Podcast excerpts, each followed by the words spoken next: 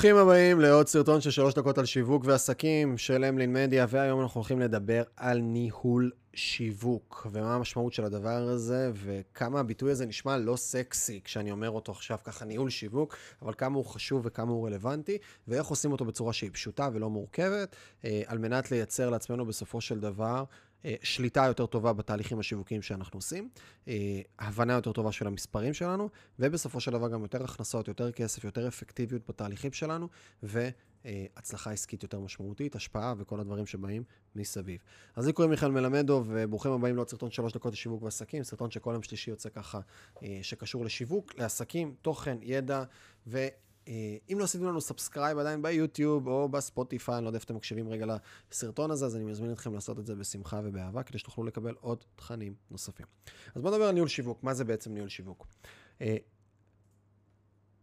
כשאני עושה עסקים ויש לי עסק, וזה לא משנה אם אני כרגע פרילנס עם אפס עובדים, שעושה 5,000 שקל בחודש, או אני עכשיו בן אדם שיש לו אה, אה, חברה, לא יודע מה, עם 100 עובדים, התפ... יש לי הרבה כובעים שאני uh, נמצא בתוכם. אני, כנראה, אם אני חוזר לדוגמה של אותו פרילנס, אני. אני המנכ"ל, בין אם אני רוצה את זה או בין אם אני לא רוצה את זה. אני הסמנכ"ל כספים, בין אם אני רוצה את זה או אני לא רוצה את זה. אני המנהל שיווק, וגם כנראה אני אותו uh, מתפעל או אותו אמן לצורך העניין. שוב, אני יכול להיות uh, נגרייה קטנה של בן אדם אחד, uh, מטפל uh, שיאצו או כל דבר אחר. אני גם מספק את המוצר, ואני גם מנהל בכל מיני כובעים כל מיני דברים. עכשיו, היקף העבודה הוא משתנה, ואחד מהתפקידים האלה הוא ניהול שיווק, למרות שהרבה מאיתנו לא מתעסקים בדבר הזה. וכדי להיות מנהל שיווק טוב ולקבל החלטות נכונות בתוך התהליך שלי, אני צריך לבנות לעצמי את הדשבורד שלי. אני צריך לבנות לעצמי את ההבנה של מה אני הולך לנהל, מה אני הולך למדוד, מה אני הולך לעשות. איך אני יודע שהפעולות שאני עושה הן פעולות שהן עובדות בצורה נכונה. אז בואו נדבר על זה שנייה. יש משפט של פיטר דרוקר, אחד מיועצי הניהול הגדולים אה, שהיו אי פעם, ייעץ לחברות הכי גדולות במשק האמריקאי, פורצ'ן 500, עבד עם אינטל וחבר'ה אחרים, אנדי גרוב וכל העולמות האלה. בן אדם גם מאוד מאוד מוערך, ראה ושמע בגדול הכל. ואחד מהמשפטים המשמעותיים ביותר שהוא ככה יצא לו להגיד, זה שככה שהפכו לקאלט, מה שלא נמדד לא מנוהל. כשאני לא מודד דברים, כשאני לא מקבל איזשהו אינפוט, מתוך דברים שאני עושה ופעולות שאני עושה, אז אני לא יכול לנהל ולקבל החלטות שהן החלטות נכונות. עכשיו, אני אגיד משהו על המשפט הזה.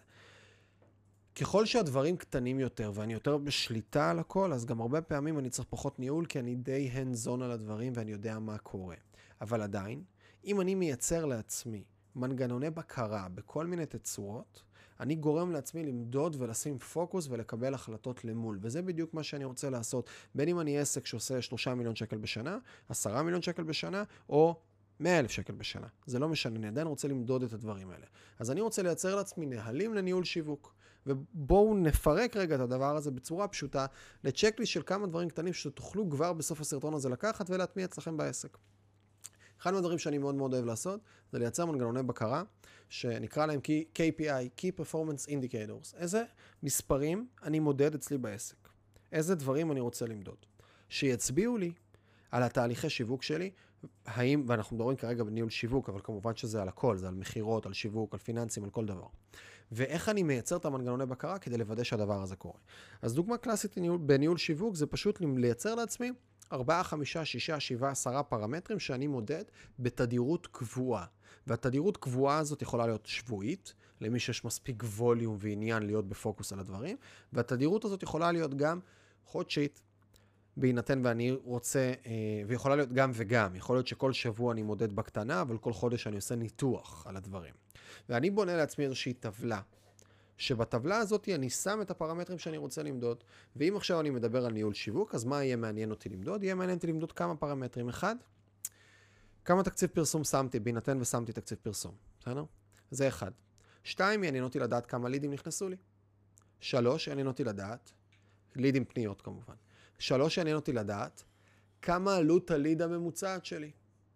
בהינתן ואני עושה תקציב ופרסום. אני ארצה לעשות את השבירה הזאת לכל אפיק פרסום שיש לי. אם עכשיו יש לי SEO, בסדר? קידום אורגני, וכרגע יש לי איזשהו אתר מסוים, ואני משלם שם 2,000 שקלים ריטיינר בקידום אורגני, אני משלם למישהו 2,000 שקלים, אז מבחינתי אני יכול אפילו למדוד את זה ברמת הכמה לידים נכנסו לי מהאורגני. כדי לחשב את הדבר הזה. אם אני שם תקציבים בפייסבוק או רומן, אז זה עוד יותר קל, פייסבוק, גוגל וכולי. אז זה עוד יותר קל כי התקציבים נורא ברורים, המספרים נורא ברורים. באורגני זה עוד יותר אמורפי. ואפילו אני רוצה להכניס כמה לידים נכנסו לי מפה לאוזן. אני רוצה ממש לפרק את כל מקורות ההגעה של הלידים שלי ולהבין רגע מה קורה איתם. השלב השני אחרי שאני אשאל כמה לידים יש לי, בסדר? זה שלב ראשון. שלב השני הוא כמה תקציב יצא לי, השלב השלישי הוא כמה עלות ליד הייתה לי לכל אחד מהם. השלב הרביעי הוא כמה מכירות יצאו לי מהדבר הזה. ואנחנו מדברים, כן, על טבלת אקסל הכי פשוטה שיכולה להיות. קובץ גוגל שיטס או אקסל הכי פשוט שיכול להיות, של פשוט נוסחאות שמחלקות לי את הדברים האלה. ואז אני שואל את עצמי כמה מכירות היו לי מכל אחד מהמקורות האלה. ואז אני אקבל את הנתון הבא שנקרא יחס המרה. קבל יחס המרה. מה זה יחס המרה? יחס המרה זה כמות העסקאות או כמות המכירות שהיו לי, חלקי כמות הלידים שהייתה לי. אם יש לי 10 מכירות, מתוך 100 לידים שהיו לי בשבוע האחרון או בחודש האחרון, יחס ההמרה שלי הוא 1 ל-10, 10 אחוז. זה כמה אני ממיר במכירות, ולמעשה, אני מתחיל לייצר ניהול של שיווק מכירות אפילו. זה לא רק שיווק. אני מתחיל להבין, רגע, אוקיי, מגוגל נכנסו לי, מגוגל ממומן נכנסו לי שבעה לידים, ומתוכם סגרתי, נכנסו לי, בוא נגיד שיהיה יותר קל במספרים, 20 לידים, ומתוכם סגרתי 4 עסקאות. זה אומר שבגוגל אני, אני סוגר ביחס המרה של 20 אחוז, 1 ל-5 אני מצליח לסגור. לעומת זאת, בפייסבוק נכנסו לי גם 20 לידים, אבל סגרתי רק עסקה אחת. ואני רואה כבר שזה שבוע שני שאני נמצא באותם יחסי המרה. אז מה למעשה אני מבין? שגוגל יותר אפקטיבי לי פי ארבע מפייסבוק. ואני שם תקציבים על פייסבוק, אבל גוגל עובד לי הרבה יותר טוב, ואז אני רוצה להסתכל על עלויות הליד ולקבל את ההחלטות שלי רגע, אולי לכבות את אחת מהפלטפורמות, אולי לעבוד אחרת. אתם לא מבינים כמה עסקים יש שאני פוגש אותם, בכל מיני כובעים שאני נמצא בהם, ששמים מאות אלפי שקלים, עשרות, עשרות אלפי שקלים ומאות אלפי שקלים בחודש, ולא יודעים להגיד מה אפקטיבי להם בערוצים. האם זה גוגל, האם זה פייסבוק, מה קורה בכל אחד מהם.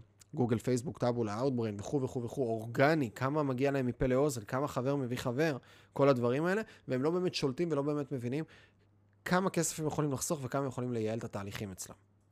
ואפשר לעשות את זה ברמות שקשה הרבה פעמים לתאר כמה אפשר לשפר וכמה אפשר לדייק וכמה אפשר לעשות, אם אני מתחיל לנהל. אז אני רוצה לנהל כמה לידים נכנסו לי מכל אפיק, מה היחס, כמה מכירות, כמה עלות תקציב יצא לי בכל מקום, כמה עלות כל אחד מהלידים, כמה יחס ההמרה שלי, וכמה עלות המדיה שלי לסגירה. מה זה אומר עלות מדיה לסגירה? כשאני עכשיו, ואנחנו טיפה נכנסים לדיטלס, אבל אני שמח שאנחנו נכנסים לדיטלס, כי אלה נתונים שהם חשובים. אה, אה, וזה מספרים שכשאני מבין אותם, ואני יודע לנתח אותם, אני יודע לחשוב עליהם, אני חושב אחרת. התודעה שלי עובדת אחרת בעסקים. אני מתחיל לעבוד ממקום שהוא data oriented, ולא ממקום שהוא feel oriented. עכשיו, זה לא אומר שאני צריך לשבור את האינטואיציה שלי, אבל אינטואיציה שגם יודעת את ה data, היא הופכת להיות הרבה יותר חדה והרבה יותר טובה. וזה לא אומר לבוא ולהיות עכשיו איזה אנליסט קר, אה, אקסליסט כזה, ממש לא. אני עדיין נשאר עם הבטן ומקבל החלטות משם, אבל זה עוזר לי לקבל החלטות. אז בואו נחזור, מה זה עלות מדיה? אם עכשיו, ואני טיפה הולך להיות במספרים, אז להיות איתי, אם עכשיו שמתי 50 שקלים, אם ליד אחד עולה לי, פנייה אחת עולה לי 50 שקלים למשל בפייסבוק, ונכנסו לי עשר פניות, ומתוכם הצלחתי לסגור אחת.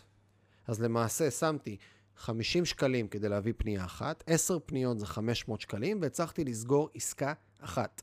זה אומר לי למעשה שעלות המדיה שלי, עלות הפרסום כדי להביא עסקה אחת, זה 50 כפול 10, 500 שקלים.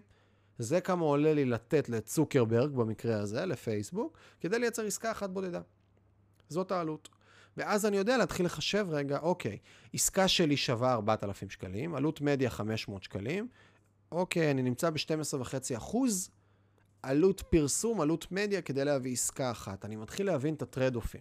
ואם הבנתי את זה, אולי אני יכול לקבל החלטה מתוך הדבר הזה, אוקיי, בוא נעלה תקציב, רגע, זה אפקטיבי לי. או לחלופין, יש לא מעט אנשים שאם הם יעשו את הסכימה הזאת, יסתכלו על הקמפיין שלהם, ויגידו, אוקיי, אני מפסיד פה כסף, אני לא רווחי. וזה קורה המון, המון, המון, המון כשמתחילים להיכנס למספרים. עכשיו, אחרי שבניתי לעצמי את ה-KPI האלה, אגב, עוד נתונים שיכול להיות לי ב-KPI זה חוץ מיחסי המרה וכל הדברים האלה, זה יכול להיות גם אה, כמה עוקבים יש אה, לי באינסטגרם, בהינתן וזה משהו שאני מקדם, כמה אה, לייקים בפייסבוק, לייקים בפייסבוק פחות רלוונטי, אבל זה גם כן איזשהו משהו רלוונטי, כמה מחזור המכירות שלי היה בשבוע האחרון, מאוד מעניין אותי.